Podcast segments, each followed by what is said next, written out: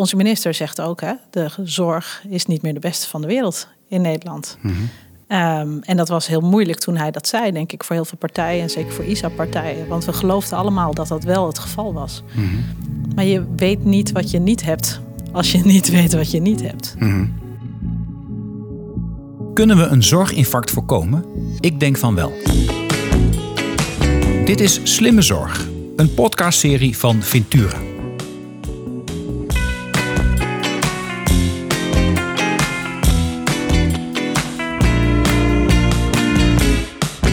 Mijn gast van vandaag is Judith Zuiderhout. Judith is directeur beleid en communicatie bij MSD, het grootste geneesmiddelbedrijf van Nederland. Voordat ze in de pharma terechtkwam, werkte ze in water en daarvoor was ze journalist. Judith heeft een MBA van de Amsterdamse Business School en is met name gepassioneerd over toegang tot geneesmiddelen en vaccins in Nederland.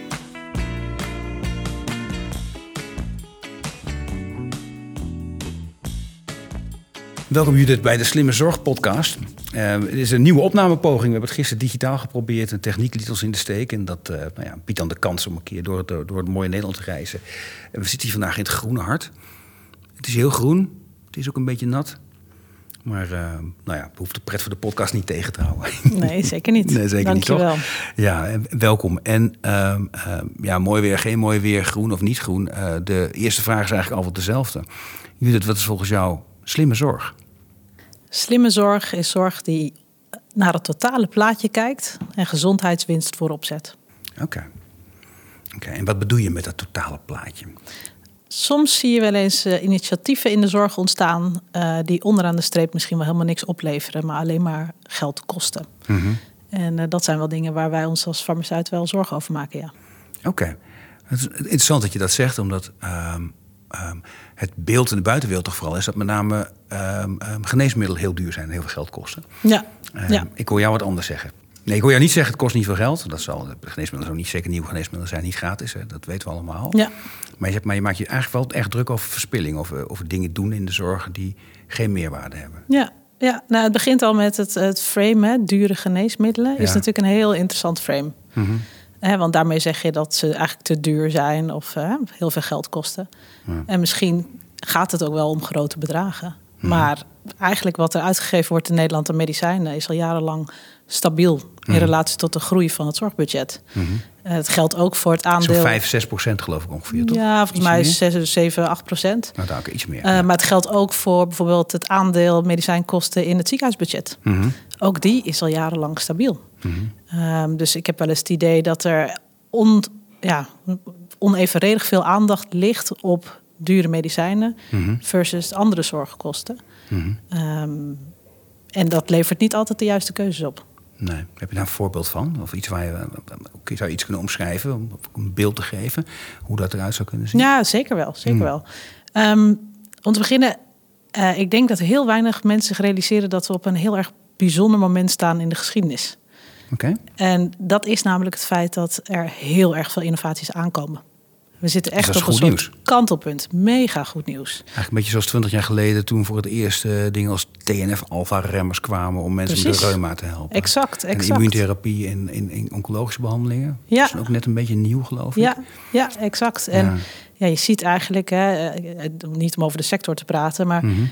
dat er bij allerlei collega-bedrijven waanzinnige innovaties aankomen. En dat geldt ook voor onszelf overigens. Mm -hmm. uh, maar die enorme impact kunnen maken op de staat van de gezondheidszorg. Mhm. Mm -hmm. als je iemand met één prik ergens van kan gaan genezen, ja, ja dan kan zo'n persoon weer terug het arbeidsproces in. Ja. Dat zijn natuurlijk waanzinnige uh, ontwikkelingen.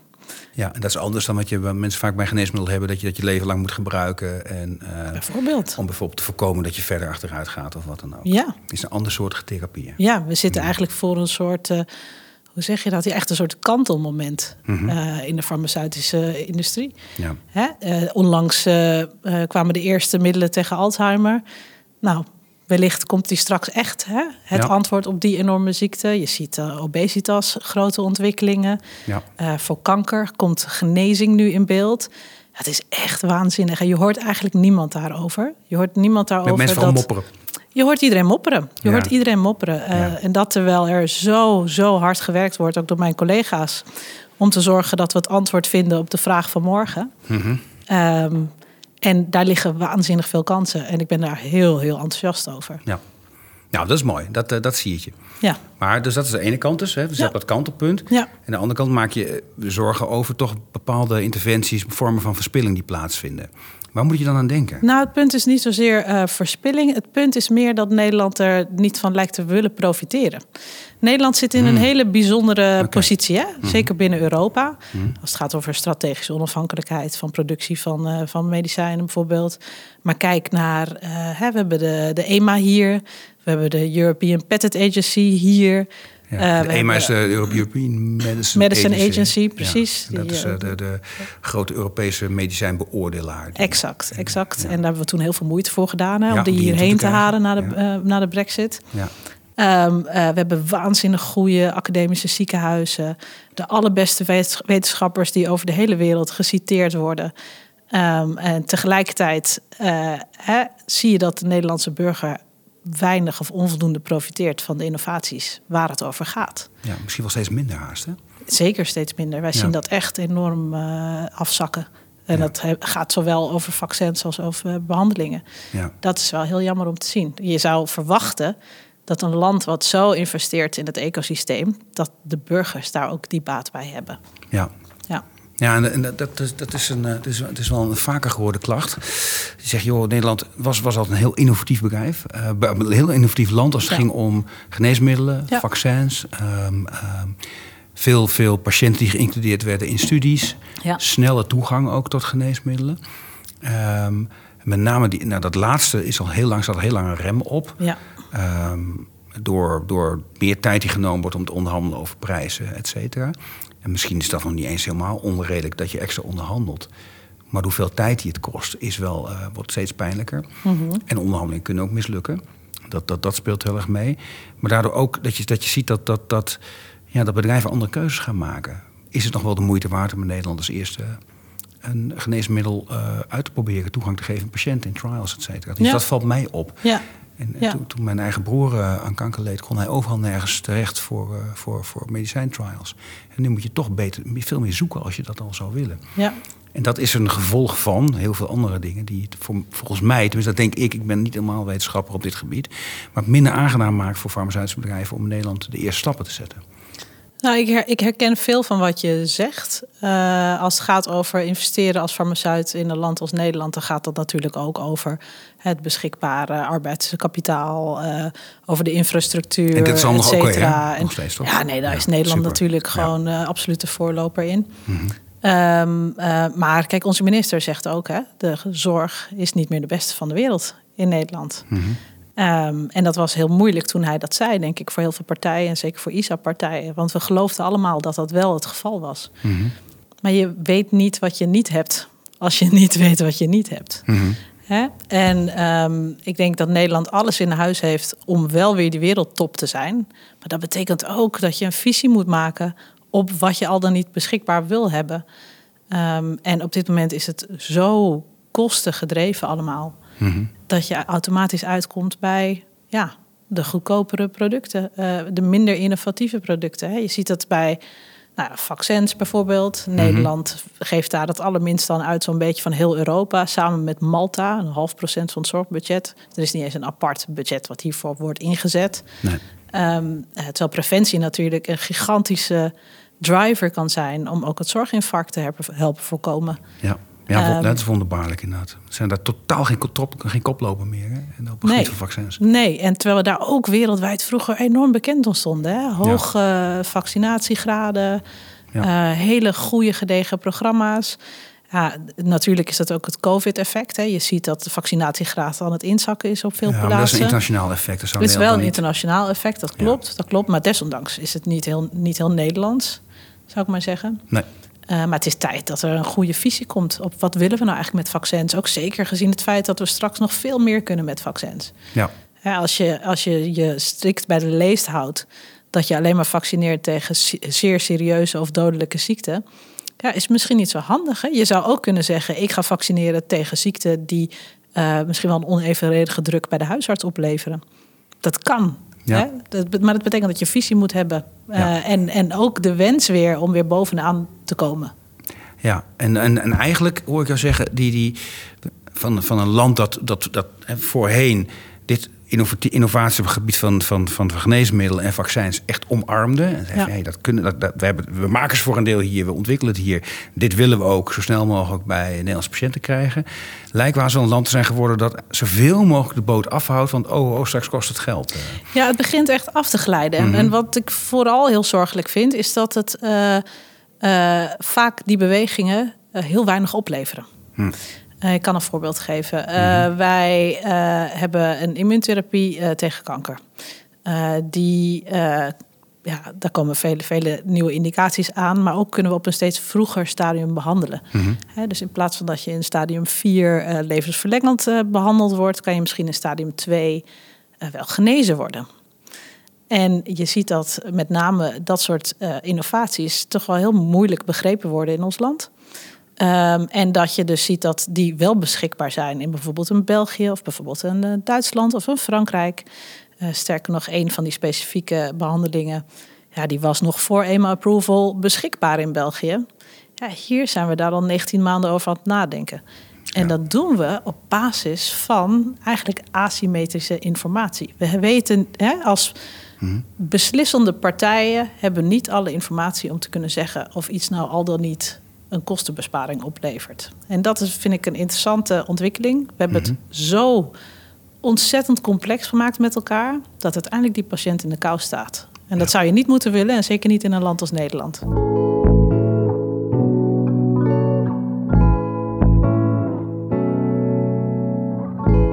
Nou, ik heb zelf als Kamerlid uh, natuurlijk eh, heel lang ook deze portefeuille onder mij gehad. En ook wel veel belobbyd, ook door farmaceutische bedrijven. Voor geef dan snelle toegang. Um, um, ja, ja, het is duur, maar goed, uh, het levert ook heel veel op, uh, noem maar op. En ik vond het ook altijd wel belangrijk dat je als politiek een beetje terugduwt. Dat is op, op, op zich heel normaal. De een heeft een vraagprijs en, en de ander die vanuit maatschappelijk belang zegt... nou, we hebben nog andere belangen te wegen, dus we mogen het best over prijzen hebben. En daar wordt ook over onderhandeld. Um, lijkt mij logisch. Maar we komen nu in een situatie dat inderdaad je met wachttijden zit... in onderhandelperiodes van 17 maanden... Dat begint wel een beetje pijnlijk te worden. Nou, wat ik denk, wat, wat wij vooral zien, hè, is dat um, er wordt natuurlijk gesproken over passende zorg. Mm en wij kennen allemaal uh, de cijfers. Hè. Het zorginfarct komt eraan. Uh, in plaats van één op de zes Nederlanders moet straks één op de drie Nederlanders in de zorg uh, werken. Ja, volstrekt onmogelijk. ja, want infarct is met name gebrek aan professionals. Hè. Daar zit de grote vraag. Nou ja, kijk, als je mensen geneest, dan heb je geen professionals nodig. Hè. Dus je kan dat best wel oplossen, ook met technologie. Het is best wel een goede investering. Mm -hmm. um, maar wat je ziet is dat op de een of andere manier nu alle partijen de opdracht hebben gekregen om te bezuinigen. Mm -hmm.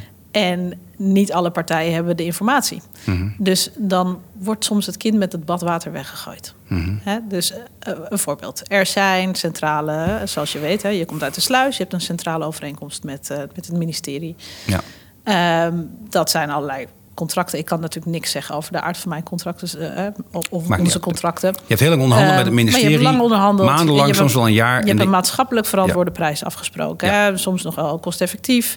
Ja. Uh, of dat meestal, als het goed mm -hmm. is. Um, uh, in dat soort contracten zitten allerlei elementen waar niemand van op de hoogte is. Dat kunnen mm -hmm. zijn staffels, dat kunnen zijn caps, waarboven het product gratis is, et cetera desondanks hebben we het zo ingericht dat de ziekenhuizen betalen de lijstprijs. Dat was hè, de overheveling van Schippers, was dat. Ja. Vond ja, het mogen wel over onderhandelen, dan weer apart. En dan begint het hele feestje toch weer Ja, dat zou, dat zou in, in theorie zou dat kunnen, inderdaad. Ja. Um, uh, maar wat je dus ziet, is dat de ziekenhuizen worden nu aan de 1% gehouden. Ze mogen 1% groeien. Mm -hmm. Terwijl de opties, de mm. behandelopties, natuurlijk enorm toenemen. Dat is het goede nieuws wat ik net zei. Ja. Um, en het aandeel blijft nog, hè, nog wel stabiel in dat ziekenhuisbudget. Maar daardoor ontstaat een indruk over wat iets kost. Want partijen zien alleen die lijstprijs. Die zien alleen ja, dat enorme bedrag, wat er om allerlei redenen is. Um, um, maar je ziet dus dat uiteindelijk die arts die in die spreekkamer zit, moet nadenken: ga ik deze meneer of mevrouw behandelen? Of moeten wij zorgen dat we voldoende cashflow hebben om die vleugel of iets dergelijks te bekostigen of iets anders?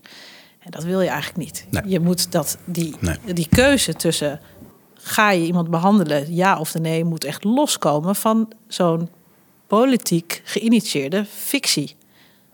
Ja, maar het is ook wel een lastige, denk ik, Judith, want uh, het is ook allemaal geheim.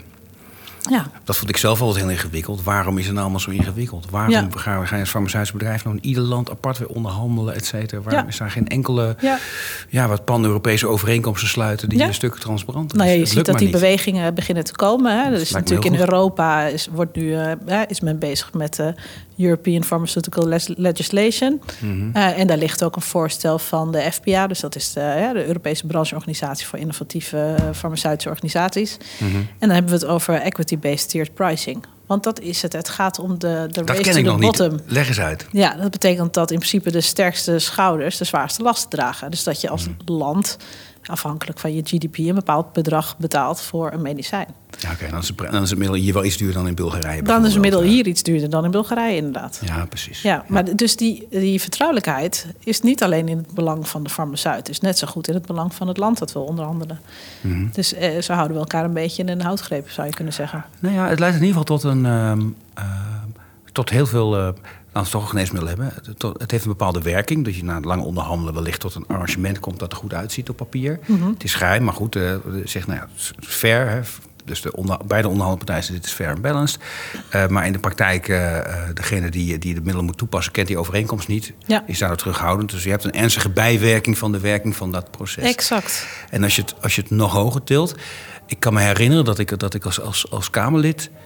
Dat ik, had ik al zeker zes jaar die, die, die, portefeuille geneesmiddelen onder mij. Dat ik toen pas van een, een, een eh, ik weet niet meer van wie, kreeg ik een soort papier waarop stond hoe geneesmiddelentoegang in Nederland werkt. Ja. En hoeveel hordes stonden erop, eh, Arno? Nou, het was niet, het was niet, het was gewoon, Het gewoon totaal waanzin. Er stonden allemaal pijlen op en strepen Ja. en dingen en Ja. woorden. En, en ik dacht echt alles te weten, maar er bleken nog allerhande aparte clubjes en dan die weer die. En Het wordt alleen maar het is- erger. Nou, het, is, het is, je zou het kunnen vergelijken met, eh, met, met, met hoe de Belastingdienst met toeslagen is omgegaan. Ooit Ja. bedoeld als een eenvoudig systeem. Om te zeggen, nou ja, we- gaan, we gaan mensen via de Belastingdienst... eh, we hebben toch al inkomensgevers, kunnen ze ook een toeslag geven. Dat is Ja. niet zo ingewikkeld. Ja. En vervolgens is daar door, door politici en ambtenaren... aan allerhande knopjes gedraaid van... we moeten ook nog zus, nog zo, noem maar op. Uiteindelijk wordt het een on, onoverzichtelijke brei. De. Belastingdienst kan ook helemaal niks meer aan veranderen eigenlijk. Want dan ontploft het. En ik heb soms het idee dat dat hele verhaal rondom de geneesmiddelen toelating in Nederland Ja. en de prijsvorming daarvan en de afspraken erover. Net zo, net zo'n brei Nou, is dat is het ook. En het, wat het ergste is geworden eigenlijk, is dat we hebben een soort van enorm toelatingssysteem. En dan heb ik het even specifiek over oncologische middelen in dit geval. Ja. eh, Waarbij zoveel partijen betrokken zijn, Mhm. die allemaal een rode knop hebben gekregen. Dus er zal altijd wel iemand op die rode knop drukken. Mhm. En uiteindelijk heeft die patiënt daardoor niks in handen. En, hè, en dan hebben we het over eh, hè, middelen waarvoor al een afspraak is, waarvoor al maatschappelijke prijs is, hè, waar, waar alles eigenlijk op groen staat. Ja, mag gebruikt worden, kan gebruikt worden, maar wordt nou niet ja, toegepast. dan zegt de een, nou ja, ik wil het wel, maar ik wil het voor een stukje. En de ander zegt, nou, ik vind het toch wel financieel toxisch, want ik moet eh, tenslotte de volledige prijs afbetalen. Mhm. Eh, dus ik, ik ga gewoon even heel lang wachten. En je ziet bij verschillende indicaties telkens verschillende redenen opkomen. Maar uiteindelijk begint de standard of care in Nederland echt terug te lopen. En dat is heel zorgelijk. En daarmee gooi je dus ook het kind met het badwater weg. Hè? Wij, wij doen heel graag eh, wat we noemen patient access programma's of compassionate use programma's. Ja, ja. Die zijn vaak op onze eigen kosten om te zorgen dat mensen toegang hebben. Ja. Eh, maar op het moment dat wij geen flauw idee hebben hoe lang het gaat duren voordat het middel bekend, eh, beschikbaar komt. En ook of het beschikbaar komt, wat dus echt totale ongelijkheid in de, in de hand werkt. Ja, dan, dan, dan doen we dat soort dingen op een gegeven moment dus ook niet meer. En eh, sterker nog, voor klinische studies wordt het ook heel lastig. Wij zijn een hele grote speler als Mhm. het gaat over klinische studies. Eh, Op dit moment hebben we er meer dan 50 lopen in Nederland. Alleen in Nederland vijf. Ja, alleen in Nederland. en, veel ja, Ja. Mhm. zeker weten. Eh, maar ook daarvan, hè, het is gewoon zo belangrijk dat in Nederland die standard of care op zijn minst op hetzelfde niveau blijft als de rest van Europa. Ja. En waarom kan het wel in Frankrijk? Waarom kan het wel in België? En waarom kan het wel in Duitsland? ja, en Italië ook. Het zelfs kan- het zelfs kan- Verenigd Koninkrijk. ja, ja, ja, ja. Daar zijn ze echt wel streng op prijsvorming. Ik was laatst bij een congres. Ik zag inderdaad bijvoorbeeld in het Verenigd Koninkrijk... eh, nou, dat zijn net als om zorg gaat best, best heftige centenknijpers. Hè. Dus dan een beetje, eh, als er iets nieuws in het pakket komt, dan valt er aan de achterkant iets uit en zo. Dat is Ja. echt wel fixed. Ja. Maar ten aanzien van echt innovatieve therapieën hebben ze daar een apart budget om daar Ja. toegang te regelen. Net als in Italië, gaat om veel geld. Ehm, in Duitsland is het systeem ook heel anders. Hè. Daar, als zodra de EMA iets goedkeurt, als je corrigeer me niet als, als ik het verkeerd zeg, maar volgens mij is daar zoals een EMA middel goedkeurt, Ja. dan het eerste half jaar of jaar mag het, mag het gewoon in de praktijk gegeven Precies. worden. Maar op basis, en ook tegen de lijstprijs En zelfs. dan wordt er data verzameld. data verzameld. En daarna wordt er op basis van de daadwerkelijke effectiviteit in de, pra- in de, in de praktijk... wordt er een definitieve prijs eh, bepaald. Juist. En dan wordt er. En die kan ook achteraf fors veel lager zijn dan het Kan. aanvankelijk was. Ja. Ja. Ja. maar die patiënt heeft er in ieder geval niet onder geleden. In Nee. de tussentijd. Nee. Nou zijn ze daar, daar is ook wel een beetje van aan teruggekomen. Ze vinden dat wel een heel Ja, prijzig er is, systeem. Er is, ja, kijk, op elk systeem valt iets af te dingen natuurlijk. hè. maar daar staat wel access voor op, zeg maar. Nou, en dat, dat is het vooral. Hè. Ik zou het zo mooi vinden als Nederland gezondheidsdoelen zou stellen. Hè. Ik weet, eh, je hebt heel vaak Jochem Miro eh, over de vloer gehad. Ja, maar die heeft er altijd ook over. Ja. het, is, Klopt. het is wel, ehm, eh, het zou zo goed zijn als wij stevig zouden kiezen. Voor hè, wie willen we nou zijn als Nederland? Willen we weer in die top komen met de oncologische uitkomsten? Kijk, we hebben nu in Nederland, de, hè, ik geloof, de hoogste uitgaven van Europa aan oncologische zorg, maar de laagste uitgaven als het gaat om behandelingen. En de uitkomsten bungelen we ook ergens onderaan. De vraag is, hoe kan dat? En ik ga niet zeggen dat dat ligt aan de behandelingen. Dat ligt natuurlijk aan heel veel elementen. Misschien ook wel de ligging van ons land. Ehm, eh, maar het zou zo geweldig zijn als je met elkaar zegt: Oké, hier willen we iets aan gaan doen. We willen hier weer de absolute wereldtop worden. En wat hebben we daarvoor nodig? En daarvoor is het nodig dat je met elkaar een open gesprek voert. En dat mis ik ontzettend. Ja. ja, en open gesprek is dat je dus alle partijen aan tafel zet. Alle partijen aan tafel en dat je probeert alle informatie boven tafel te halen. En dat je ook zegt: Als ik deze ingreep doe, wat gebeurt er dan?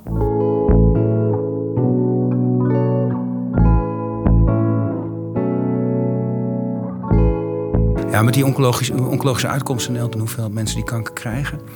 eh, dat heeft ook al deels te maken met de ongelooflijk goede cardiovasculaire zorg in Nederland. Dus we hebben, eh, naarmate landen dat minder goed voor elkaar hebben, hebben krijgen ook minder mensen kanker. Maar Oh, dat is de ja, cynische Ze reden halen dat het gewoon niet. ze halen het Ja, gewoon niet. nee. Maar op het moment dat mensen wel kanker krijgen, wil je nog steeds een hele goede uitkomst. Nou, dan is de gemiddelde kankerpatiënt waarschijnlijk in Nederland ietsje ouder. Maar dan kom je ook wel bij. Ja, dan, dan ga ik me bijna op klinisch, klinische terrein eh, begeven. Moet ik misschien niet doen. Maar wat, wat, wat mij vaak opvalt, is dat, dat als, je, als je praat over oncologische zorg, dat we, daar nog, dat we nou nog steeds heel erg in een soort stepcare traject zitten. Hmm. We beginnen eerst maar met de eenvoudigste interventie en dan eens verder kijken, Ja, et cetera. ja, ja. En Waarbij dan, omdat dan die, die nieuwe therapie zo duur is, dus die wil dan, stel dat zo lang mogelijk uit. Dat, is, dat, dat zou kunnen. En dan zou die andere therapieën het ook doen. Dan is het allemaal prima. Maar volgens mij is die, als die. En, en dan gaan we van, van die nieuwe therapie zeggen, maar die werkt eigenlijk niet zo goed. Ja, ja, ja. Oh, maar dat vind, Ja. dat vind ik zo Maar van die moet- mooie argumenten. Kijk, als Maar moet je die dan niet veel eerder geven? Als je zeker alleen bij die patiënten, waardoor je vanwege, vanwege, door, door een goed in beeld brengen van DNA-profiel weet, bij deze patiënt kan het werken. Ja. En dan Ja. ook geven. ja. Ik mis dat gewoon een beetje. Ja, nee, je hebt natuurlijk allerlei initiatieven, hè, zoals eh, met biomarkers, dat soort zaken. Mhm. Eh, en kijk, eh, ja, er komen dus heel veel nieuwe therapieën op de markt. En ze zullen er ongetwijfeld tussen zitten dat ze niet werken. En als dat zo is, dan moet je ze ook niet gebruiken. Toch? Dus vanuit wetenschappelijk oogpunt moet je Ja. daar gewoon zuiver naar kijken. Ja. Alleen het punt is, wij kijken niet meer zuiver wetenschappelijk. Wij kijken ook naar passende zorg. Op basis van informatie die we dus niet hebben. En Want dat, dat tweede is het probleem. Want naar passende zorg kijken lijkt mij hartstikke goed. Ja, Nou, nee, je zeker. kijkt alleen zeker maar vooral alleen als, hè, als alle drie onderdelen overeind blijven staan. Hè? Dus Mhm. eh, toegankelijk, eh, betaalbaar en kwalitatief. Mhm. Maar er ligt een veel te grote nadruk op betaalbaar, zou Mhm. ik echt zeggen. Op het moment dat je dus ja, je standaarden gaat verschuiven... eh, om te zorgen dat juist de oudere middelen sneller beschikbaar kunnen komen... en de innovatieve middelen mag gewoon nog even een paar jaartjes moeten wachten... Ja, is dat, is dat wat je moet willen als Nederland? Zeker als je zo hè, je best hebt gedaan dat je hier een ecosysteem hebt. Nee, twijfel- Ik weet het niet, hoor. Ik twijfel er ook aan. Maar dat, dan, en dat is ook een, een, uitleg van passende zorg... die in ieder geval niet in lijn is met wat ik erin lees. Eh, nee. Namelijk dat je alleen datgene, dat je datgene doet... dat de meeste bijdrage levert aan de kwaliteit van leven van de Ja, patiënt. precies. En, ehm, ehm, ja, en dat betekent dat je, dat je voor, in, voor een geneesmiddel... wel veel beter met markers en met een DNA-profiel in kaart moet brengen... van kan dit bijdrage leveren aan de kwaliteit van leven van deze patiënt? Zo ja, Ja. dan zou je het moeten doen. Ja. En zo nee, vooral ook niet. Ja. En, en ehm, eh, ja, zo, zo simpel zou de afweging moeten zijn. Maar goed, in de praktijk zal het ingewikkeld zijn. Er komen kosten bij kijken. Wat ik zelf interessant vind, is als het over kosten gaat, geeft het over geneesmiddelen. ja. Ehm, maar als ik in een, ehm, een, ehm, eh, in een ziekenhuis kom, dan kom ik zo min mogelijk, maar goed, als ik daar kom, en je kijkt, en je kijkt eens goed rond, dan barst het daar ook van heel veel dure apparatuur en noem maar op. En daar vindt niemand wat van. Dat is raar. Hele dure scanner. En dan heeft de, de buurziekenhuis heeft er ook één, zo'n mooie duurscanner. Mm. En dan die vraagt niemand of het doelmatig is. Of het nou echt nodig was, heel duurscannen. We hebben operatierobots. Wat ook maar, nu gaan daar al heel lang geduurd. Daar is nu een beetje kritiek op. Ja, ik vind dat ingewikkeld. Hoe zou dat komen? Waarom altijd zo kritisch over geneesmiddelen? Wat voor mij mag, want is ook bepaald niet gratis. Zeker weten. Ehm, nou ja, ik, ik, ik weet het niet. Ik, uh, wat ik vooral zie vanuit mijn rol als, als farmaceut... is dat het gewoon heel moeilijk is om in een goed gesprek te komen. Mm. Uh, dat er helaas heel veel wantrouwen heerst. Uh, dat de uitwassen automatisch de hele sector worden verweten. Mm. Dat mm-hmm. is best wel lastig, vind ik. Ja. Um, ik denk dat we allemaal over bepaalde grenzen heen moeten stappen met elkaar. om eens echt te kijken naar de opdracht die voor ons ligt... en hoe we daar gaan komen. En dat kan dus ook zijn dat je zegt dat je technologie voorop stelt. Ja. Het is ook, op de een of andere manier wordt het ook allemaal uitgelegd als het moet allemaal minder. Maar wellicht moet het juist even meer om uiteindelijk minder te kunnen hebben. Ja, het is de vraag wat waar je meer of minder van wil hebben. We hebben in Nederland heel lang een hele forse stijging van de zorgkosten gehad. Dat klopt ook wel. Ja. Het is al in de, in, en, maar in de, in de zogeheten curatieve zorg, waar we het hier over hebben, ja. is die groei al een behoorlijk aantal jaren veel lager dan in alle ontwikkelde het is, het is Europese landen. Zorg. we lopen steeds, Het is langdurige zorg die, die iedereen voorbij giert. Daar heeft bijna niemand het over. Zoals je nu kijkt, uh, we hebben binnenkort verkiezingen. Dan zie je overal weer plannen van uh, nou, we moeten uh, meer, meer verpleeghuisplekken, et cetera. Ja. het mag van mij, maar dat kan helemaal niet. We hebben geen mensen voor. Ja. En um, uh, maar, en dan is de boosheid, ja, maar de, de, de, die, die curatieve zorg, die geneesmiddelen, dat is heel duur. Ja, precies, ja. ja. Kost, kost inderdaad wel geld, maar goed. Ja. Um, um, maar daarmee kun je wellicht, laten we het hopen, mensen in het arbeidsproces houden. Uh, ook zorgprofessionals in het arbeidsproces houden. Ja. Uh, misschien wel de zorg van die professionals voorkomen. Ja. Ja. Hebben jullie daar nou ook echt over? Als je nou zo'n gesprek wel voert over, over geneesmiddelen. Ik heb ook het idee dat we elkaar allemaal bezighouden met gesprekken over geld. Ja. Um, maar de grootste schaarse goed in de zorg is de komende decennia niet zozeer geld, maar het is menskracht. Ja, ja klopt. Maar als ik kijk naar, naar een health technology assessment, de manier waarop je moet bewijzen wat de effectiviteit en de kosteneffectiviteit is van je geneesmiddel. Ja.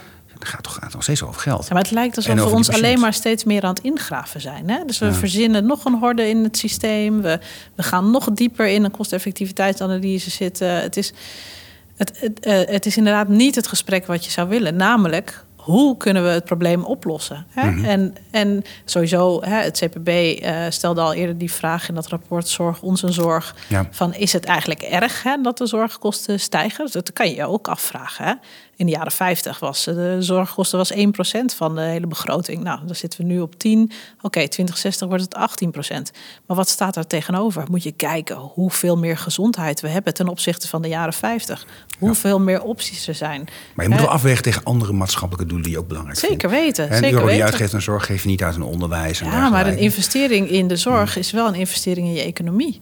Want wat je zegt, we hebben geen mensen. Maar, mhm. ehm, maar als die mensen in een vroeg stadium van kanker kunnen genezen, in plaats van dat ze heel lang in stadium 4 hangen, wat echt super kostbaar is. Hè, en overigens mhm. eh, helemaal voor natuurlijk. Maar mhm. ehm, ja, wellicht moet je dan die keuze gaan maken om daarvoor te gaan. Of de, om echt te gaan investeren in preventie. Uh, investeer in die zaken die ervoor zorgen dat die druk uiteindelijk op dat personeel minder wordt. Kijk, je ziet in Engeland bijvoorbeeld dat dat nu dus echt heel erg het geval is. Hè. Ze hebben gewoon het personeel niet.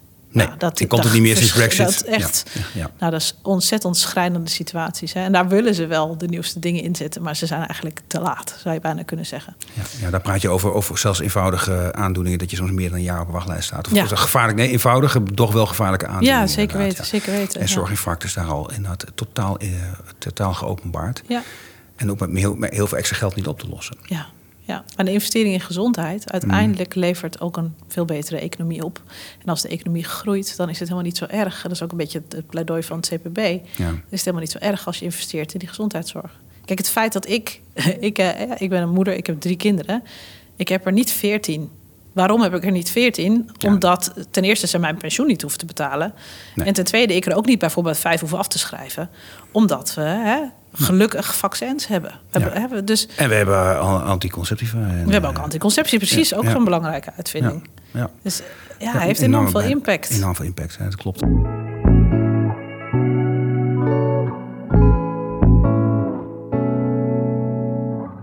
We gaan de komende, komende uh, 17 jaar enorm vergrijzen. En daarna houden we toch 20 jaar aan, die vergrijzing. Dat je zorgkosten omhoog gaan, is logisch. Als je kijkt naar de zorgkosten in Nederland, zijn die weliswaar fors. Kijk je dan naar, het, naar in verhouding tot ons uh, bruto nationaal product, dan doen we het eigenlijk maar heel gemiddeld in Europa qua kosten. Ondanks het feit dat wij anders dan Europese landen met name heel veel ouderenzorg betalen. Als je dat ervan aftrekt, dan zijn we zelfs heel goedkoop. Zijn we heel goedkoop, ja. dus als ik echt kijk naar ziekenhuiszorg en, en, en, geneesmiddelenzorg, dan zijn we super goedkoop. Zijn we een van de goedkoopste van Europa. Wordt wel eens vergeten. En de grote uitdaging zit gewoon bij die handjes. En die handjes leven, kosten gewoon heel veel geld. Uh, is ook logisch, want als je, werken oneindig veel mensen in, in verzorging, in ouderenzorg. Ja. Doen dat belangrijk werk. Uh, maar dat is niet gratis. Ja, en dat nou, betalen we met elkaar. En als je ook die mensen beschikbaar wil houden, hoor ik jou ook zeggen van, nou ja, dan zul je aan die, zeg maar, aan die curatieve kant, aan de innovatieve kant, je investeringen moeten willen doen. Je moet visie hebben en je moet jezelf eruit durven investeren. En op dit moment zijn we achteruit aan het lopen. En dat is denk ik uh, niet de handigste weg. Nee, je komt steeds dieper in dat moeras terecht. Je gaat steeds minder innovatief denken. Ja, ja. ja, Nederland loopt achter op het gebied van vaccins en op het gebied van innovatieve behandelingen. En dat vind ik heel erg. En wij zien steeds vaker dat patiënten ons bellen. Waar moet ik heen? Waar kan ik terecht? We horen het ook van patiëntenorganisaties die krijgen patiënten die horen eh, eh, bij de arts van nou u bent uitbehandeld en dan bellen ze de patiëntenorganisatie die zegt nee hoor, ik heb nog deze hele lijst opties die u zou kunnen uitproberen. Ja, dat is, dat is wel heel ongemakkelijk inderdaad. Ja, dat is, ja. maar eh, gek ook. Gek, in dit land zou dat niet moeten hoeven. Nee, het gaat ook voorbij aan de doelstelling van passende zorg. Want het is absoluut heel goed als je als een arts en een patiënt in onderling overleg zegt van nou ik wil gewoon niet doorbehandelen. Tuurlijk. Of er is misschien nog wel wat, maar dat heeft een enorme impact. Dan moet je misschien niet willen wat dan ook. Het zou kunnen. Of nou moet je, trouwens moet je misschien, ik weet niet of het gesprek zo gaat, maar weeg dat heel goed af. Geef iemand de tijd om daar goed naar te kijken. En dan weten we dat als je dat heel eerlijk en goed uitlegt dat ongeveer twee derde van de patiënten voor de minst invasieve optie kiest. Nou prima, dan is het een eigen afgewogen keuze. keuze precies. Ja.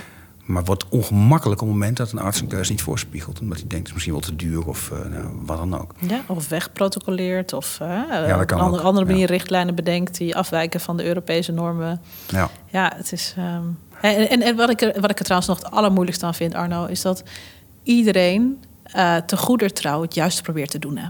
Iedereen voelt die opdracht. Iedereen voelt de opdracht. Ja, ook al die mensen die protocollen maken. Het Precies, uitstekend. en het zijn uitstekende, knappe koppen. Uh, hele goede denkers die echt proberen dit op te lossen. Uh, uh, maar dat moet je wel echt in verbinding doen met elkaar. die verbinding, daar schort het nog wel eens aan. Ja, nou, over protocollen gesproken die met goede bedoelingen beginnen. en ook zijn gemaakt. En ook nog wel zo, zo hun doel hebben terug naar vaccins. Ik kan me herinneren dat ik eh, als Tweede Kamerlid mij al maakte over het feit dat er toch heel wat vaccins zijn die eh, door de, door de EMA worden goedgekeurd. Dus die zijn veilig mhm. en die zijn effectief. Die doen wat ze moeten doen. Maar die komen in Nederland, die worden in Nederland niet toegepast. Ja. En dat komt omdat Nederland de Gezondheidsraad daar een bepaalde afweging in maakt. Ja. En dan vindt dat het, als je dat op hele grote groepen losmaakt, het niet altijd doelmatig is of wat dan ook. Nou, allemaal ingewikkelde afwegingen. Ehm, kan best. Dus, eh, zwaar, daar is de gezondheidsraad voor om te zeggen: neem iets op in het Rijksvaccinatieprogramma of niet. Ja. Maar op het moment dat het oordeel is: we doen niet in het Rijksvaccinatieprogramma, betekent niet dat het vaccin niet goed is, niet doelmatig is voor mensen die dat zouden willen. Dus heb ik een initiatief ontwikkeld en ik denk: ik wil dat in ieder geval ergens bekend is dat die vaccins bestaan, uh wat ze doen. En dat als je erom vraagt, dat je ze ook zou kunnen krijgen als, als, gewoon als Nederlander. Ja. Nou, dat eerste dat is gebeurd. De RIVM heeft een opdracht van het ministerie van VWS een, uh, een soort site, website gemaakt waarop al die vaccins allemaal te vinden zijn. Nou, dan moet je dus daar al weten dat zoiets bestaat. Je moet er nou op zoek, want niemand vertelt erover dat het bestaat. Dan zou je denken, zouden de farmaceutische bedrijven wellicht zelf erover kunnen vertellen? En dat mag niet, want er is een reclameverbod. Ja. En dan hebben we het allerlaatste stapje, dat is helemaal wonderbaarlijk, vind ik. Uh, stel, ik ben op zoek geweest ik heb iets gevonden. Ik denk, maar dat vaccin vind ik hartstikke mooi. Uh, noem eens wat. Uh, volgens mij waterpokkenvaccin bestaat. Ja, geloof ik toch? Het wordt ja, niet in het niet nee, vaccinatieprogramma. Nee, maar ik kan best voorstellen dat ouders zeggen... nou, dat wil ik wel graag voor mijn kind. Mm -hmm. Dan ben ik aan de, van, de, van, de, van de willekeur van de huisarts afhankelijk... of ik daarbij kan met het vaccin. De meeste huisartsen zeggen, ja, daar begin niet aan. Dat is ingewikkeld. Dan moet het via de Klopt. apotheek. En ik heb hier ook geen pinautomaat. En dat doet allemaal niet. Het is helemaal geen infrastructuur. Ik, dat is, valt daar dan niet ook nog heel veel uit? Ja, je bent ontzettend goed op de hoogte. Hè? Kijk, uh, onze uh, brancheorganisatie uh, Holland Bio heeft op een gegeven moment becijferd dat het ongeveer negen jaar duurt na eenmaal approval voordat een vaccin in Nederland in het Rijksvaccinatieprogramma komt. Negen jaar? Negen moet, jaar. moet zich dat. Nee, is dat. Want dat zijn, dat zijn dan niet eens de meest ingewikkelde rekensommen, toch? Om nee. Kijken of iets nou ja, kijk, het punt is dat, dat, dat. Nou, nee, precies dat ook. Um, uh, maar je ziet, hè, in principe worden tenders gewoon ingericht op prijs. Het is altijd 60, 70 procent prijs. Nou, en de rest is misschien dan wel kwaliteit of hè, bepalen mhm. hoeveel serotypen zitten erin of uh, andere zaken. Mm uh, maar dan krijg je dus automatisch dat de innovatieve vaccins dat verliezen van de minder innovatieve vaccins of de wat oudere vaccins. Oh ja, het is verschil. Er zit natuurlijk ja, okay. Eh, voldoende verschil tussen dan. Ja. Um, uh, dus dat ten eerste. Maar daarnaast zien wij die private markt echt gigantisch groeien. Uh, en het is wat je zegt, je moet maar net een huisarts hebben die modern genoeg is, die dan zegt van ja, dit, hier wil ik je bij helpen. Ja. Uh, en je moet ook maar net uh, de, nou, de, de, de zakken hebben om het te kunnen betalen. Hè? Want dat, dat moet je uit eigen zak betalen. Dat kan ook niet iedereen. Nee. Uh, er is gigantische ongelijkheid in Nederland. afhankelijk van je sociaal-economische achtergrond heb je wel of niet toegang tot dit soort ja. vaccins. Maar om dat dan maar geheim te houden omdat het tot ongelijkheid leidt, is ook vreemd natuurlijk. Nou ja, het, het lijkt mij niet het, het, pad vooruit. Dus daarom mhm. is ook mijn pleidooi ten aanzien van vaccins.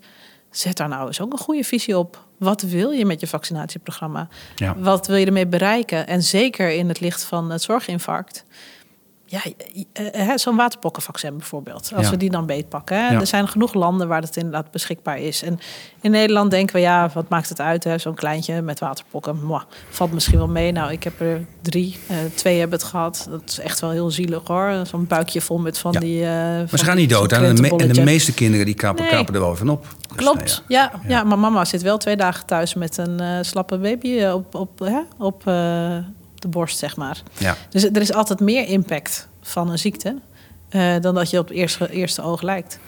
Uh, Nou zeg ik totaal niet van we moeten nu hiervoor uh, inenten. Dat is niet aan mij, dat is aan de gezondheidsraad. Nee, in de waterpok zeg je een beetje aan de, aan de veilige ja, kant. Maar bij RS-virus hebben ook heel lang getwijfeld, toch? RS, ja, precies. Best ja, En je weet, en dat, dat, de meeste kinderen hebben daar ook niet heel zware repercussies van. Als het er is, nou, dan heeft het een gigantische... een paar duizend baby's eh, per jaar in het ziekenhuis. Ja, de impact kan heel groot zijn. Hè? Maar goed, het is, het is ingewikkeld. Ik ben geen, geen, geen mm. gezondheidseconoom. En ik hoop dan altijd maar dat bij de gezondheidsraad de mensen daar goed over nadenken. Maar ik, ik vond ook als Kamerlid al, dat duurt wel heel erg lang. Ja. Het is wel, we klaagden net over dat bij een geneesmiddel duurt het lang. Maar geneesmiddel is vaak nog wel een complexe, complexe wereld soms. Hè? Dat werkt bij de een wel en bij de ander niet. En noem op. Maar, maar bij vaccins kun je toch redelijk eenvoudig een, een, een health knowledge assessment doen. Op, op, op populatiegebied. en dan zeg het is voor heel Nederland of het is een bepaalde doelgroep. En als het niet voor een doelgroep is, dan zetten we het ergens in een etalage waar mensen er wel bij kunnen. En, voor, en voor verzekeraars neem het op in je aanvullende verzekering. Voor ja, ik, ik heb wel eens een gezondheidsraadadvies eh, gelezen waarin stond: ja, uh, wij kiezen nu niet voor een ander vaccin omdat we het huidige programma niet willen ondermijnen. Dan dacht ik, nou, dat is een interessant argument.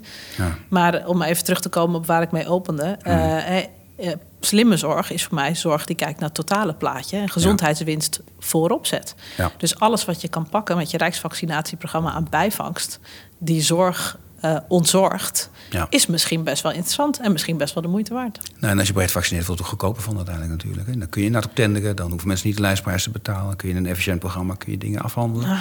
Ja. Ja, de kosten van vaccins zijn gewoon extreem veel lager dan die van de kuur. Ja, gigantisch. En, ja. Uh, ja Waarbij ik hem wel eens, af en toe wel eens vergeet natuurlijk... Dat je, dat je bij een geneesmiddel geef je in principe aan een patiënt... en een vaccin geef je aan iemand die gezond is. Ja. Dus je moet heel veel mensen een vaccin geven... voordat je de ene patiënt voorkomt. Dus dat, dat, dat, dat zijn wel iets andere werelden. Dat ligt eraan wat de bijvangst is. Hè. Bedoel, als het gaat over uh, genitale verratten of zo... dan heb je het over 50.000 gevallen per jaar. Ja. Nou, dat zijn heel wat huisartsenbezoekjes. Daar kan je best wel wat fulltime huisartsen voor vrijmaken... als je daartegen vaccineert. Ja. Ja, en dan zegt de gezondheidsraad in Nederland... ja, maar daar ga je niet aan dood, dus daar vaccineren we niet tegen. Dat is een exact, keus. Exact, nou, dat zijn keuzes. En, en daarom is het denk ik goed als je met elkaar zegt... oké, dit zorginfarct komt eraan. We willen hier iets aan doen. Wat zijn de opties die we voor ons hebben om daar wat mee te doen? Ja. En dan zeg ik, nou, misschien kan je het juist wel oplossen met technologie. Is het misschien helemaal niet zo handig om jezelf terug in de jaren negentig te stoppen? Nee.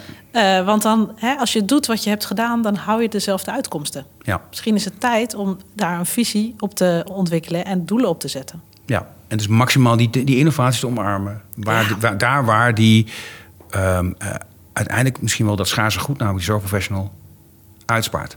Juist. En ook die, en, en überhaupt het, het, het, het, het, het werkzame vermogen en het arbeidszame vermogen en het zorgende vermogen van, van Nederlanders in de, in, in de benen houdt. Ja. ja. Want dat is het nieuwe schaarse goed, hè, waar, waar geld echt de beperkende factor is geweest heel lang. En het zal nooit onbeperkt, of nooit onbeperkt geld, dat is altijd keuze.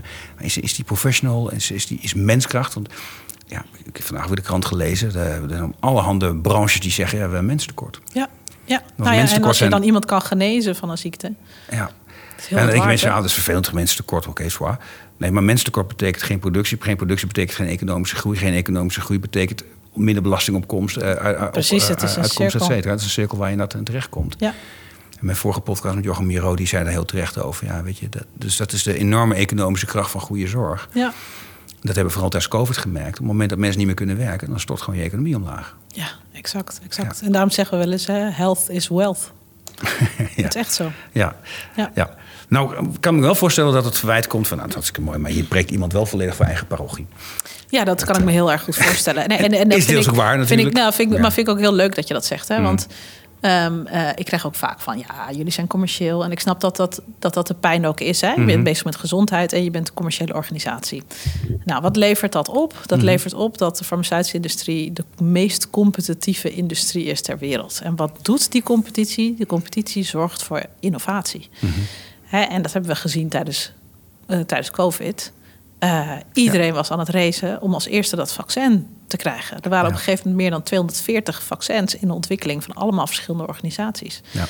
En daarvan zijn er vijf winnaars uitgekomen. Wij hebben het overigens ook geprobeerd. Wij hadden ook twee kandidaten, die hebben het niet gehaald. Nee, dat zal je veel Heeft ons ook heel veel geld, heel veel geld gekost. ja, wat was vergeten, ja. Toen hebben we besloten om mee te gaan helpen in de wereldwijde productie. Daar hebben we significant aan bijgedragen. Mm Ehm, ehm, maar het enige wat je nu dan nog hoort is: oh ja, er is toen zoveel geld verdiend door die paar winnaars. Hè? Miljarden bij deze en gene.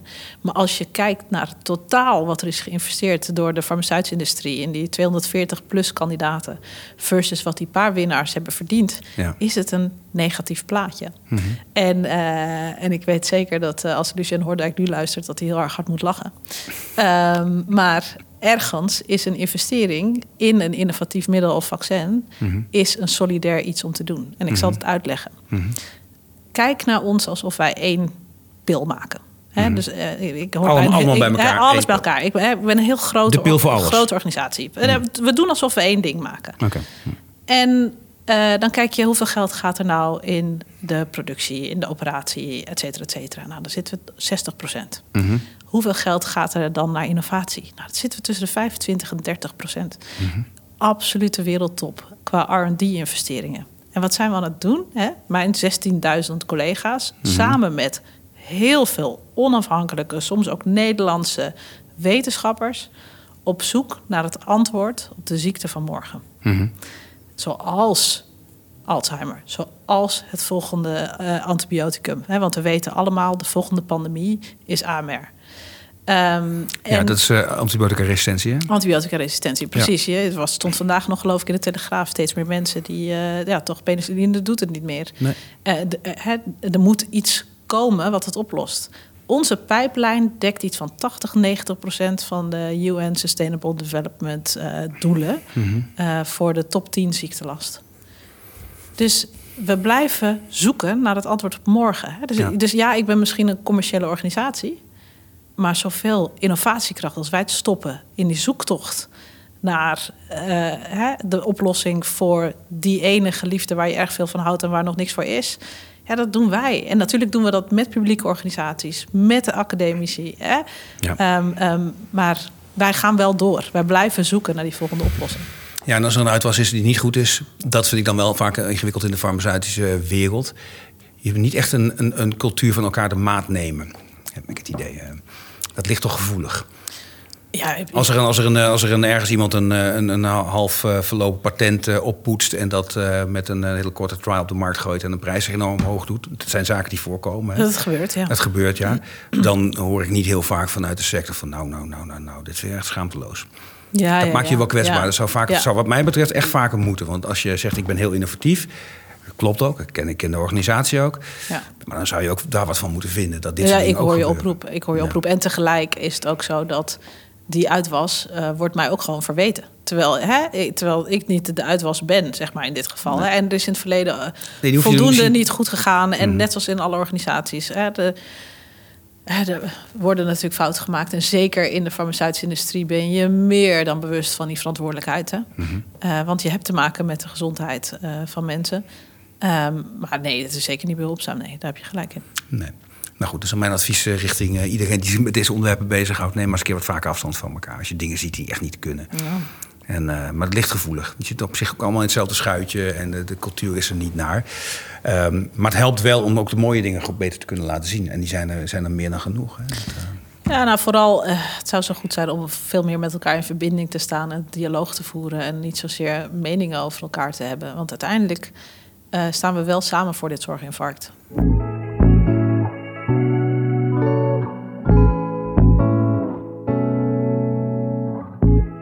Nou, laten we eens kijken naar de, naar de ultieme innovatie die aankomen. Je zegt, we komen nu in een tijd dat er een aantal hele nieuwe dingen aankomen. Mhm. Uh, volgens mij kom je in de wereld van de gentherapie en, en, dat soort zaken kom je dan terecht. Hè? Dat, je, dat je met één interventie, hopelijk, weten we niet helemaal zeker... maar hopelijk iemand volledig zou kunnen genezen. Ja, klopt. Voor altijd. Ja. Wat ik dan wat ingewikkeld vind... is voor de interventie wordt dan een hele hoge prijs gevraagd. Mhm. Ehm, mhm. Ehm, ehm, en dan zeggen ze, ja, dit is dan het allerduurste geneesmiddel... Als je dat zegt voor één, één verstrekking, is dat misschien waar. Tegelijkertijd heb je misschien wel te maken omdat je 20 jaar, 30 jaar lang niks meer hoeft te geven. Ja. Maar dat de, dus het vraagt wat meer uitleg om, om dat verhaal goed te vertellen. Zeker weten. Lukt niet zo goed. Nee, dat klopt. Omdat uiteindelijk hè, uh, klinkt zo'n bedrag ja, soms hoger dan je hypotheek. En dan denk je, ja, mijn hypotheek, mm dit, dit, uh, dat is wel echt heel, heel veel geld. Ja. Alleen dat geld gaat niet alleen over die ene patiënt. Het gaat over de waarde die het toevoegt. Mhm. En ook de investering die nodig is voor morgen. En de investering die gedaan is in het verleden. Mhm. ja, als je kijkt naar onze organisatie, dan zie je dat er inderdaad miljarden in omgaan. Maar ja, we, hè, we bereiken ook 560 miljoen mensen per jaar. Dus dat, ja, dat klopt. Daar gaan grote bedragen in om. Ja. Um, en um, nou, vooral die relatie is belangrijk. Hè? Van wat is de waarde die het brengt? Wat is het wat het oplost? Mm -hmm. um, en dat dat gewoon in de juiste balans is. Ja. ja. Maar dit, kijk. Je moet het verhaal wel vertellen, denk ik hoor. Om ook uit te leggen waarom dingen duur zijn. En, en, en oh, anders zijn dan anders. En, Ehm, wat mij ook altijd opvalt, en dat is ook een keuze, we vinden voor, voor geneesmiddelen, misschien wel terecht, heel belangrijk dat ze heel veilig zijn. Ja. En die veiligheid maakt geneesmiddelonderzoek ook extreem duur. Want daardoor duurt het heel lang. Ja, dat klopt. Vooral de laatste fase van het onderzoek zie je de, de, de, de, kosten zie je gewoon bijna, ja, zie je bijna exponentieel oplopen. Ja. Dus als je, als je de laatste fase van het geneesmiddelonderzoek ja. niet meer zo hoeven doen, ja. dan zou je veel goedkoper de markt in kunnen. Maar dan neem je wel iets meer risico ten nou, ja, de veiligheid van middelen. Dat vind ik wel voor middel voor, voor lage invasieve aandoeningen is dat onacceptabel. Ja. Maar is het bij die, die oncologische patiënt, moet je dan ook die laatste fase helemaal doorlopen en daarmee de Nou, ik denk veiligheid gaat echt werkelijk waar boven alles. Hè. Dus je zal gewoon wetenschappelijk zuiver, wetenschappelijke zuiverheid moeten blijven betrachten. Mm maar ik denk wel, zeker tijdens corona, dat er heel erg veel lessen zijn geleerd over hoe je dit proces allemaal kan versnellen. Hè? Mm het, was, het waren natuurlijk allemaal sequentiële processen. Ja, die zijn parallel Tijdens COVID zijn ze allemaal parallel getrokken, ja. en daardoor zijn zaken wel enorm versneld. Um, maar om antwoord te geven op jouw vraag, um, wat je bijvoorbeeld ziet, is dat er erg veel nadruk is op overall survival als eindpunt voor oncologische studies. Ja. En overall survival betekent uh, zoiets als dat je weet hoeveel mensen uiteindelijk dan overleven. Maar op het moment dat genezing in zicht komt, mm -hmm. heb je meer uh, patiëntgefocuste eindpunten. Uh, zoals ja, event-free survival, disease-free survival, et cetera. Ja, ja, um, als je dan gaat zitten wachten totdat er OS-eindpunten komen, in het geval dat je gericht bent geweest op genezing, dan zit je vijf tot elf jaar te wachten. Want je moet wachten tot mensen overlijden. Mm. dus ergens ga je dan een beetje ten onder aan je eigen succes, zou ik maar zeggen. Ja. Um, en je ziet dat in Nederland met name die discussie heel erg wordt gevoerd. Dat is wel goed. Uh, moeten we ook doen, denk ik. Uh, het is goed om discussies te, te voeren, uh, maar het is ook goed om mee te gaan met vooruitgang. Nee, zeker. Nee, zeker. Maar goed, soms moet je het eerst over hebben en met elkaar concluderen nou, van dit wordt vooral, ongemakkelijk. Vooral dat. Ja, ja, ja. moeten we hier niet anders gaan kijken, andere eindpunten definiëren exact. Uh, qua, qua toegang. Dat zal wel enorm helpen. Ja, en daar, uh, ja, daar valt dan ja, daar valt winst te halen. En, en, en, en daar valt winst te halen op het gebied van prijs. Als je sneller de markt op kunt, dat scheelt gewoon. zijn je risico's lager. Um, maar daarmee heb je ook snellere access uiteindelijk, als je dat zou durven. Ja, nou kijk, onze deur staat werkelijk waar wagenwijd open voor allerlei innovatieve oplossingen. Mm -hmm. Of het dan gaat over dataverzameling, of het gaat over innovatieve contractvormen. Um, wij willen heel graag samenwerken met alle partijen, ook binnen het ISA, om met elkaar te zorgen. Hè? Hoe kunnen we nou die winst behalen met wat we hebben en wat we kunnen? Maar zit die deur dan nog steeds dicht, Judith? Ja, soms wel. Soms ja? wel. Ja hoor. Ja. ja, ik heb wel eens partijen aangesproken van kunnen we het hebben over de standard of care in Nederland. En dan krijg ik gewoon terug. Nee, dat vinden we ongepast. Ja, ik vind dat heel moeilijk uh, te plaatsen. Um, dat is echt doodzonde. Ja. Ja. ja, en dat is alleen maar het verhaal. Dat is met jullie commercieel zijn. We kennen in Nederland um, geen, bijna geen uh, publieke zorgorganisaties. Ik kan ze niet zo goed vinden trouwens. Ja. Dat is ook naar gevraagd. Ja, ik kan er weinig aan doen dat ik een commerciële organisatie ben. En het ja, heeft, uh, maar de gemiddelde, het heeft gemiddelde wijkverpleging, wijkverplegingsorganisatie ook commerciële oh, organisatie. Alle huisartsen, alle fysiotherapeuten, noem maar op. Het wordt niet zo gepercipieerd. Dat is wat anders. En uh, ik heb er ook helemaal niks op tegen. We hebben in Nederland eigenlijk nooit publieke gezondheidszorg gekend, behalve dan uh, ja, de GGD'en, maar dat, dat, gaat over vaccinaties en dergelijke. Ja. Maar het curatieve deel is eigenlijk altijd in private handen geweest. Ja. Zelfs de UMC's zijn private organisaties, wel met een sterke maatschappelijke borging. Um, dus die, die, die, die, die, die grens tussen commercieel en niet commercieel. Je mag wel wat vinden van hoe mensen met partijen met hun geld omgaan, waar ze aan besteden, wat dan ook. Dus het kan best zijn als jij, als jij komt dat je daar dat je, dat je vraagt om daar verantwoording over af te leggen. Ja. Nou ja. Maar het begint gewoon met een dialoog voeren en proberen elkaar aan te kijken en elkaar te proberen te begrijpen. Ja. En uh, ook het hele plaatje te kunnen zien en dan te zeggen: dit is wat we dan gaan doen. Ja. Wat ik ook interessant vond, want dan wordt het ook al heel gauw als lobby gezien. Hè? Dan zeg je, ja, maar dan zit je te lobbyen voor je eigen belang, et cetera. Um, is het misschien voor een deel ook wel. Maar je wil ook onderdeel zijn van... van, nou, zijn, van wij zijn een zorgorganisatie, een belangrijke organisatie... in speelveld van de zorg. Ja. We weten dingen, we kunnen dingen. Ja. Dus we willen deelnemen aan een dialoog. Ja. Ik, ik vind het wel logisch. Um, maar dat wordt heel vaak gedacht, ja, dat is een commerciële organisatie... dus die doet heel veel aan lobby. Ja. Ik, nou, wel, het is misschien interessant voor de luisteraars... maar in mijn tijd als Tweede Kamerlid werd ik echt overlopen door mensen... die door organisaties die uh, wat van mij wilden. Ja. Met name natuurlijk woordvoerder was zorg. Maar ik neem aan dat je eigen hersens gebruikte en bedacht... dit vind ik wel logisch en dit maar Zeker, maar dat, waren ook over dat waren, was maar in beperkte mate waren dat farmaceutische organisaties. Hm. Dat waren natuurlijk heel veel beroepsorganisaties... Eh, van, van, van werknemers, werkgevers in de zorg... individuele zorgorganisaties. Er werd me wat afgelobbyd. Onvoorstelbaar. Ja. Dus dat is niet zozeer alleen maar... het bedrijfsleven dat lobbyt, verre van. Er zijn patiëntenorganisaties die lobbyen. Dus iedereen in de zorg lobbyt. En dat is logisch, want het is een publiek belang. En wil je eigen belangen onder de aandacht brengen. Het is ook een onderdeel van de besluitvormingsproces. Hè? bedoel, anders mis je ook heel veel informatie, lijkt me als Kamerlid. Ja, maar het wordt pas gevaarlijk op het moment dat, dat een belangwekkende, belangwekkende partij... of partijen in dat hele speelveld van, van de zorg niet meer aan tafel komen. Dan wordt het ongemakkelijk. Dan ga je dus besluiten nemen op basis van gebrek aan van, van kennis. Wat mij bijvoorbeeld onlangs ook verbaasd. de gezondheidsraad was altijd, was voor mij de farmaceutische sector in het verleden wel vertegenwoordigd. In ieder geval mensen die daar werkten. en, en die zijn er allemaal uitgegooid. Tja. wat je ook nu ziet is dat uh, patiënten heel graag aan tafel zouden willen. Maar ook die ruimte niet krijgen. Er worden besluiten nog genomen over patiënten uh, zonder dat zij er zelf bij zitten. Ja. ja, dat is, ja, ik vind dat onbegrijpelijk. Ja. En daar valt dus, dan ben je ook van overtuigd, heel veel winst te halen. Zeker weten. Ik denk als je alle partijen aan tafel zet, dat je, hè, dat je in ieder geval alle informatie hebt om dan dus de juiste keuzes te kunnen maken. Ja. En zeker bij, hè, als je dus niet zegt, wij willen hierheen, dit zijn de doelen die we willen bereiken. Hè, even los van bezuinigingsdoelen, want dat is waar het meestal eindigt. Hè, van oh, 1% mhm. groei, dat is het. Het is mhm. niet, we willen X uitkomst of we willen Y bereiken. Of, hè, dat, ja, um, nou, misschien, maar, maar zelfs als, als, als dat de 1% groei het maximum is. Ja. Dan wil je nog steeds aan tafel, toch? Om erover mee te denken. Ja, zeker weten. Ik noem maar op, ja. ja. Dus dat is niet het grootste punt. Dus dat is uiteindelijk de grootste open uitnodiging ook in dit gesprek. Absoluut. Ja. De deur staat altijd open. De deur staat wagenwijd open. Kom bij ons. Ja. Of nodig ons uit. Ja. En, ehm, en als je daarvoor door een, door een brandende hoepel moet springen, dan doe je het ook. Eh, oh ja. ja, ja, absoluut. absoluut. ja, en kijk, weet je, um, bij MSD in Nederland werken 5000 medewerkers. Dat is best veel. is best wel veel. En dat zijn uh, mensen zoals jij en ik. En die komen elke dag hun bed uit, mhm. omdat ze het juiste willen doen. En iedereen kent wel iemand die is overleden aan kanker. Ik geloof mm. uh, dat 90% van de Nederlanders iemand kent. Ja. Ehm, eh, we zijn allemaal persoonlijk gemotiveerd. Het zijn hele toegewijde, gepassioneerde mensen. En we willen gewoon echt het juiste doen. Ja. Dus ehm, ja, mijn deur staat zeker open. Oké. Hey, dankjewel voor dit mooie gesprek. Dit was Slimme Zorg, de podcast waarin nagedacht wordt over oplossingen waarmee een zorginfarct voorkomen kan worden.